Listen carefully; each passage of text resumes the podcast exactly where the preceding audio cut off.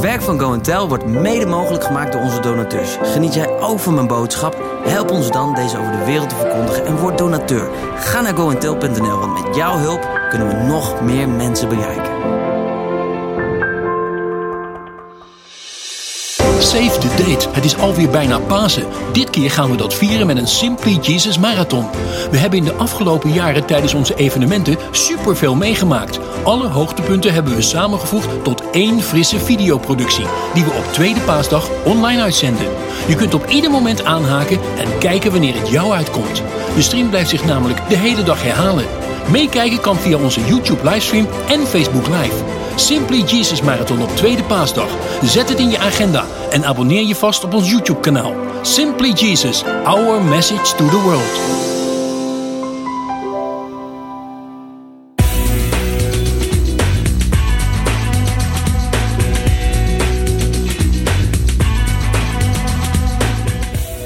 Je luistert. Streng zijn voor jezelf betekent vaak streng zijn voor anderen. Hoe maak je het voor beide partijen eenvoudiger? Daar gaat de podcast van deze week over. Hier is David met deel 1 van Genade is voor watjes.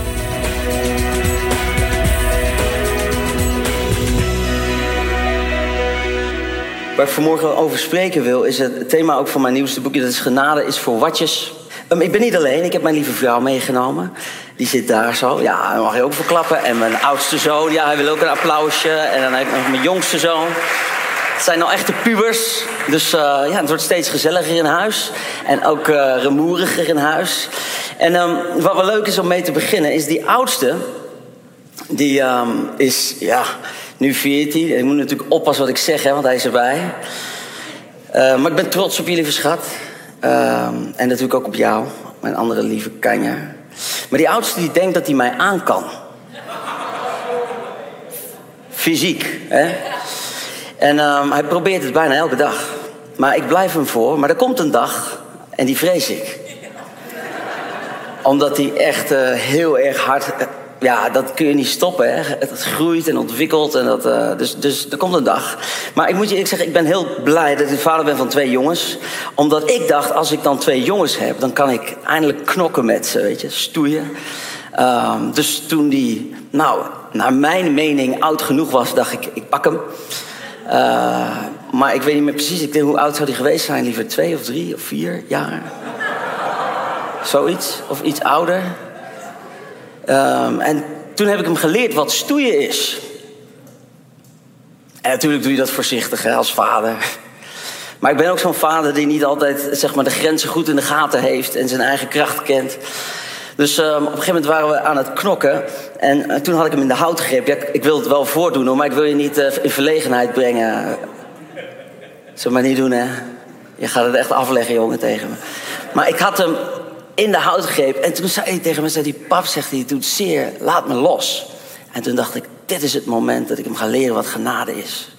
Dus ik zei tegen hem, nou lieverd, alles wat je moet zeggen is genade. En ik laat je gaan. Nee, zegt hij. Laat me los, pap. Ik zeg, lieverd, zo werkt het. Zeg genade en papa laat je los. Ja, maar je doet me pijn. Ik zeg, ja, genade en ik doe je geen pijn meer. En zo gingen we nog even door. Totdat mijn vrouw erbij kwam. Lieverd, je doet hem echt pijn. Je kent dat, hè? Van die subtiele opmerkingen van de vrouw. Mannen, nu durf je niks te zeggen, hè? Is voor mij alleen maar bewijs dat ik weet waar ik het over heb. Um, nu is het echt wel. En ik, en ik denk, ja, hoe, hoe moeilijk kan het zijn? Zeg gewoon genade en ik laat je los. Dus ik probeerde dat. Ik zeg, ja, ik, ik probeer hem te leren wat, wat genade is. Maar hij had in zijn beeld nog dat onvoorwaardelijke beeld van zijn vader. Papa zal me toch nooit pijn doen.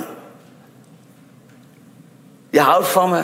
Hij doet me toch geen pijn. Dus als ik zeg genoeg is genoeg, het is gewoon klaar. Nee, ik wil hem leren. Als je vraagt om genade, dan kun je het krijgen. Dus als je genade smeekt, dan laat ik je los. Nou, uiteindelijk heeft hij hem genade gesmeekt en dat doet hij vandaag de dag nog steeds. Oneerlijk, hè? Nou, misschien dat jij later een keer op het podium staat en ruilen van stoelen, kun je mij uh, op de hak nemen. Maar um, ik besefte me toen dat ik hem misschien wel de menselijke, voorwaardelijke manier van genade geleerd had. Eerst moet het pijn doen. Dan moet je om genade smeken en pas dan kun je het ontvangen. Terwijl in zijn kinderhart er eigenlijk nog dat enorme vertrouwen was van papa verwond mij niet. Papa zal mij nooit niet zeer doen. Dus als ik zeg genoeg, genoeg dan is het gewoon klaar. En ik denk dat dat ook iets is waar we in ons leven als kinderen van God soms mee worstelen. Dat we toch nog denken dat er bepaalde voorwaarden zijn die we moeten doorstaan voordat we het mogen ontvangen. Ik weet niet hoe dat is met jullie, maar als mijn boys iets doen waarvan ik denk, nou, dat is niet helemaal handig. Meestal heb ik ze al lang vergeven, nog ver dat ze bij me komen of dat ik ze confronteer. Vind ik het fijn als ze erkennen en zeggen: Ik ben verkeerd geweest. Ja, vind ik heerlijk. Dan, dan snap ik dat er verbinding is. Maar het is bij mij geen voorwaarde. Want ik zie het altijd weer zitten. En ik geloof altijd in ze. En wij groeien op met een gemengd beeld van dit soort typen en beelden. Van hoe werkt dat dan bij God? Hoe werkt dat bij onze hemelse Vader? En daar wil ik vandaag met je over spreken. Matthäus 11, vers 28 en 30 die zegt... Kom naar mij, zei Jezus. Jullie die vermoeid zijn en onder de lasten gebukt gaan. En dan zal ik jullie rust geven. Wat een heerlijke belofte. In een tijd en seizoen als deze. Neem mijn juk op je en leer van mij. Want ik ben zachtmoedig en nederig van hart. Dan zullen jullie werkelijk rust vinden. Want mijn juk is zacht en mijn last is licht. Hoe heerlijk is het als dit echt waar is? Iemand enthousiast over? Als je echt God kan volgen, er is geen druk, er is geen last, de verwachtingen zijn oké, er is geen zware uh, verantwoordelijkheid. Het, Jezus zegt: Volg mij, ik zal je rust geven, ik neem de druk van je af. Het is niet zwaar, het is niet moeilijk. En als ik die Bijbeltekst dan lees, dan weet ik niet hoe het met u is, maar ik weet wel wat er bij mij aan de binnenkant gebeurt, omdat ik namelijk denk: wat is er dan mis met mijn christelijk leven? Want soms sta ik volop onder druk. En soms vind ik het best wel zwaar. En soms vind ik het best wel moeilijk. En dan vaak het als een last om elke keer... van heb ik dan wel het goede gedaan? Kent u dat, dat gevoel? Heb ik wel gedaan wat de Heer wil dat ik deed? Want wat als ik het zou missen? Wat als ik de verkeerde keus maak en wat is dan de consequentie daarvan? Wat als ik de teaching niet helemaal goed geïnterpreteerd heb en, en ik dat dan wel echt oprecht heb geprobeerd, maar het gaat gewoon een beetje mis? Wat dan? Zoveel van dat soort kleine interne stemmetjes en ik weet inmiddels dat ik ze niet alleen heb, maar heel veel mensen lopen daarmee rond. En ik weet niet hoe dat is voor u, maar ik wilde alles heel graag heel goed doen. De lat heel erg hoog. En daarin was ik streng voor mezelf, maar ook streng voor anderen. Mensen die streng zijn voor anderen, zijn in de regel altijd erg streng voor zichzelf. Dat zit erachter. Dus als je tegen iemand oploopt die altijd die lat heel hoog, heeft hij er waarschijnlijk zelf heel veel moeite mee. Maar het is heel moeilijk om daar doorheen te kijken. Het is heel lastig om dat te zien, maar daar, daar kan God je inzicht in geven. Dus ik was vaak um, liefdeloos naar mezelf. Als we om ons heen kijken, dan zitten we in duistere tijden. Het is moeilijk. Maar de openbaring van Gods genade, en ik weet niet of je dat doorhebt, over de hele wereld is groter dan het ooit geweest is. Hoe donkerder het wordt, hoe helderder het licht dat schijnt. En de toegang tot de waarheid van zijn woord heeft een enorme versnelling gekregen. En dat is iets wat we mogen opzuigen. En jaren geleden was ik uh, met mijn gezinnetje op vakantie uh, in Zuid-Frankrijk, Galagogo. Ik weet, dat weten ze nog, want dat was uh, de camping waar ik een van mijn jongens heb uitgelegd hoe seksualiteit in elkaar zit. Dus dat zal hij nooit vergeten. Maar ik had een, een boek gekregen van iemand en dat, en dat ging over genade. En het thema van het boek was niet langer een superheld. En ik dacht bij mezelf, daar hebben we er weer zo een, weet je? Van de genade, hè, zo. En ik dacht, dan nou, ga toch eens lezen. En ik moet je zeggen, weet je wat er bij mij gebeurde? Ik werd boos. Ik werd zo boos van binnen. Want zijn boodschap was eigenlijk, je hoeft geen superheld te zijn. Geef je maar over aan Jezus. Maakt allemaal niet uit. Alles wat je doet en hoe harder je probeert, hoe minder het uitmaakt. En, en je moet soort van in die berusting komen. En ik dacht, ja, jij, ja. Jij bent zeker zo'n uh, zo'n watje. Hè? Je hebt niet genoeg power, je bent niet radicaal genoeg. Ik was kwaad, ik kon dat boek echt wel over de camping gooien. En toch heb ik het uitgelezen. Omdat er ook iets in mij, zei David, dit gaat ook over jou. Ik weet niet of u dat herkent, dan resoneert er iets ergens. Maar je wil het eigenlijk niet horen. Ben ik de enige? En, en, en, en je drukt het weg omdat je het niet wil weten. Maar ik heb een vraag aan je. Als je je zo hard tegen iets verzet. moet je altijd afvragen wat de reden daarvan is. Als je er zo in, tegen in opstand komt. En ik, ik kan je vertellen waarom het bij mij zo was. Omdat ik namelijk heel lang, heel veel dingen. vanuit mijn opvoeding, vanuit mijn kerkelijke achtergrond. dacht dat ik het goed deed. En ga je me nu dan echt vertellen dat ik alles voor niks heb gedaan? Ik zal je vertellen, ik had gewoon een rouwcursus nodig om rouwverwerking te doen. Heb ik dan zo lang, al die tijd, het verkeerd begrepen? Heb ik het zo lang dan niet gesnapt? Nou, nu, hè, met de inzicht en de wijsheid waar je verder mee opgroeit, kun je omkijken en dan weet je dat God op het pad altijd bij je is. In alle seizoenen, in alle fases. Steeds is hij er weer. En dan vormt hij. En dan haalt hij er wat van af. En dan voegt hij er wat aan toe. En dan maakt hij van jou uiteindelijk natuurlijk die volwassen christen die wij allemaal willen zijn. En de grote vraag is, en dat kan die mevrouw misschien beantwoorden, maar gaan we het ooit redden? Ja? Is er een plek in je leven waarvan je zegt, en nou weet ik hoe het allemaal zit? Ik weet het niet. Ik vind het een spannende reis. Misschien qua vertrouwen en loskomen, ja. Met God optrekken. En tegelijkertijd ben ik mens. En voel ik in mijn leven dat er altijd een gedeelte gewoon ook gebroken is in me verdriet heeft, tranen laat, conflicten in het leven. Ben je er al achter dat conflicten onvermijdelijk zijn? Conflicten helpen om grenzen te trekken. Dat is ook heel gezond.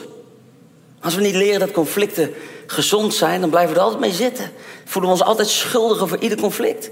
Maar een conflict is altijd interessant. Als je, als je naar de Bijbel kijkt, hoe God kijkt naar conflict, dan meestal kiest God geen kant, maar kijkt hij altijd naar hoe ga je ermee om. En bewaar je je hart in dit proces. Kun je stralen op je latere leeftijd, vol van Jezus, omdat je niet hebt vastgehouden. En al die boosheid en al die bitterheid en al die ellende kun je er bovenuit stijgen samen met Hem. Kun je ervoor kiezen om het leven te kiezen. Dat God zegt, ik zet dit voor je en kies. Ik zal je vertellen, ik deed erg mijn best. Maar om te zeggen dat nou alles op rolletjes liep, nee. Ik merkte dat er iets miste. En ik verzette me. En ik zal je ook dit vertellen. Het heeft echt ook te maken met ons wereldse systeem van verdienen. Op de kleuterschool al, hè. Als je het goed doet, krijg je een sticker. Althans, vroeger was dat zo. Ik weet niet wat ze nu krijgen. Een duimpje of zo op de iPad. Maar stikken op je voorhoofd of op je... En, en dan had je het gemaakt. Maar als je het niet goed doet, dan sta je in de hoek. En dan werd je buiten de groep gezet. En zo wordt goed gedrag beloond. En is het een verdienst en dan ga je de ladder van de carrière beklimmen. Dan ga je, hè, je, je studies halen. Als je je studie haalt, dan zegt papa goed zo, goed gedaan. Ik probeer mijn jongens ook te stimuleren. Dus jongens, als je je best doet, dan dit en dit, gaan we dat doen. Als je je cijfers haalt, dan, dan is dat de beloning. En zo leer je bij wat ik doe, dat ik eigenlijk verdien dat ik oké ben. Maar wat als het misgaat? Ben je dan niet oké? Sta je dan buiten de groep? Wordt je sticker van je afgenomen? We hebben allerlei dingen. En als we dan naar Jezus kijken, dan komt hij in de wereld in een systeem wat super religieus is, onder de Joden, met de Fariseeën en de schriftgeleerden en allemaal mensen die hun hele leven geleerd hebben, denken dat ze het allemaal weten. En dan gooi je het hele spelletje finaal om. Het is bijna oneerlijk. Ik durf te zeggen, het is oneerlijk wat hij doet. En als ik dan naar Jezus kijk, dan doet hij twee dingen die echt tegenovergesteld zijn. Iedereen die denkt dat hij het goed voor elkaar heeft. En iedereen denkt, ik heb er goed voor geleerd. Ik heb mijn sticker verdiend. Die geeft hij een strenge vinger. En iedereen die kapot en gebroken en het niet meer ziet zitten en een potje van gemaakt heeft, daar heeft hij open handen.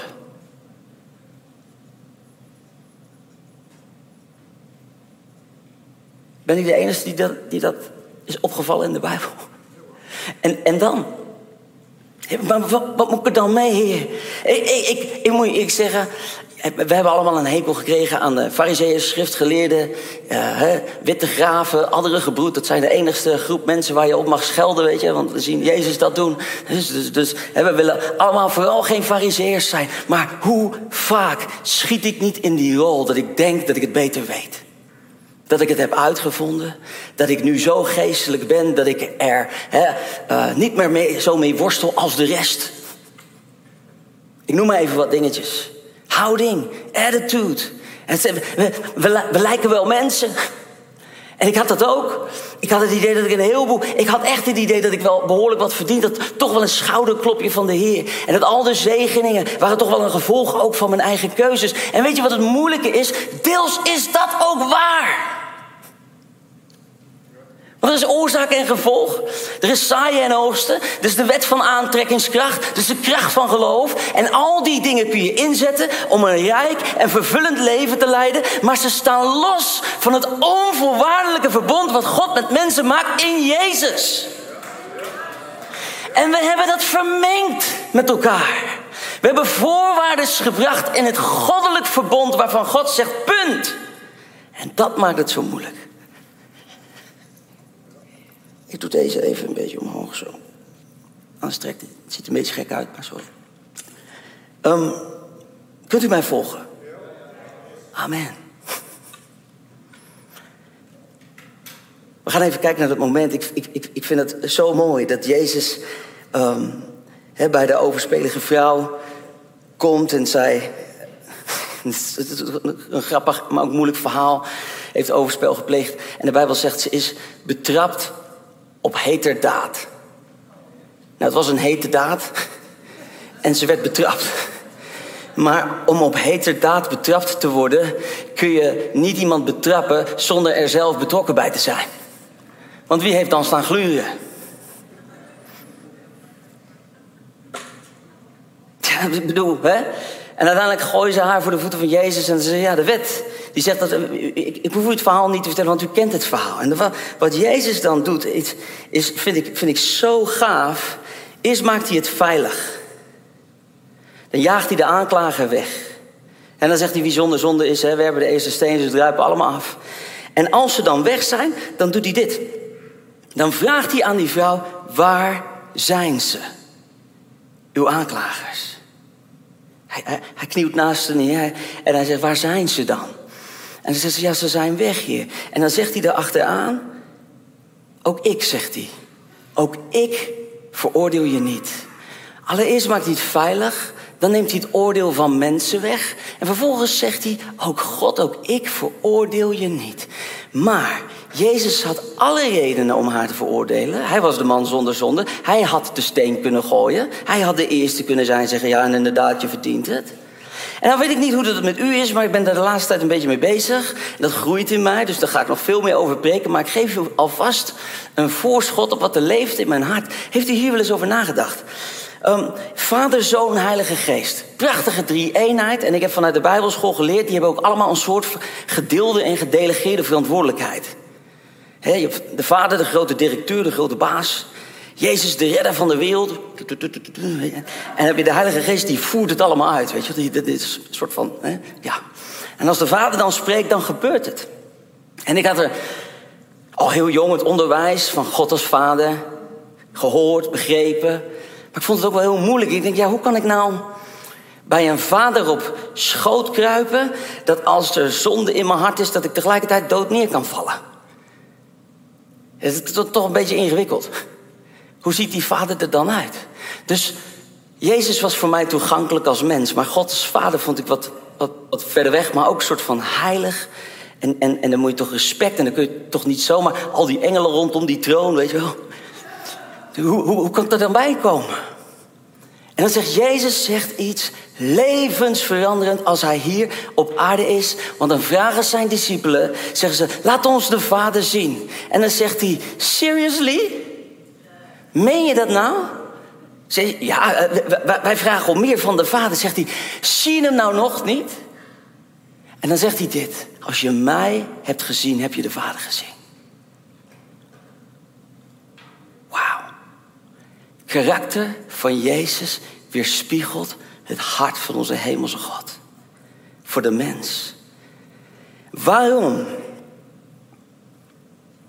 knielde Jezus neer aan de zij van deze overspelige vrouw?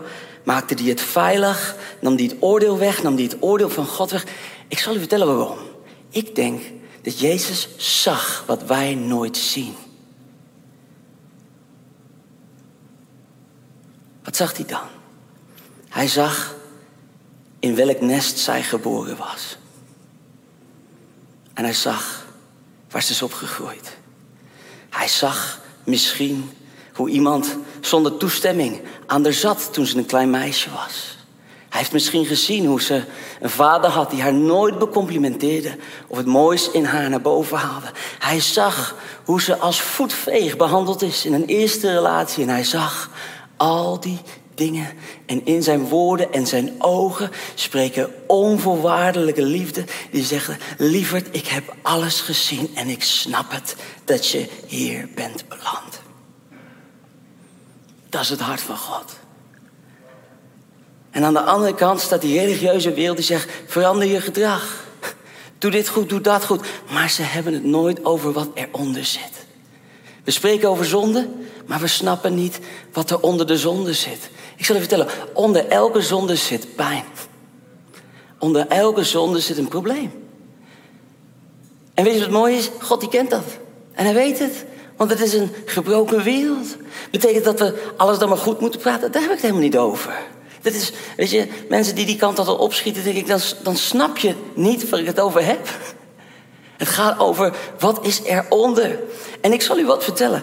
Ik loop nog niet zo lang mee als u, maar wel al wel wat jaartjes.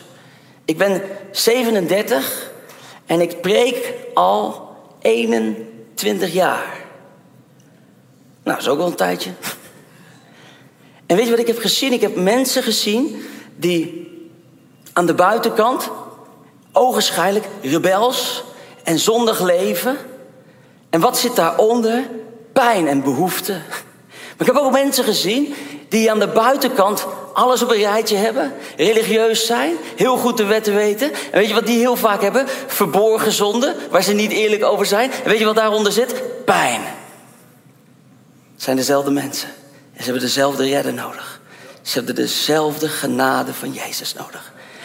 En weet je, in hoeverre jij genadig bent naar jezelf, zul je zachter zijn dan mensen om je heen. Gaat je leven veranderen. Omdat je de taal en het hart van God leert spreken.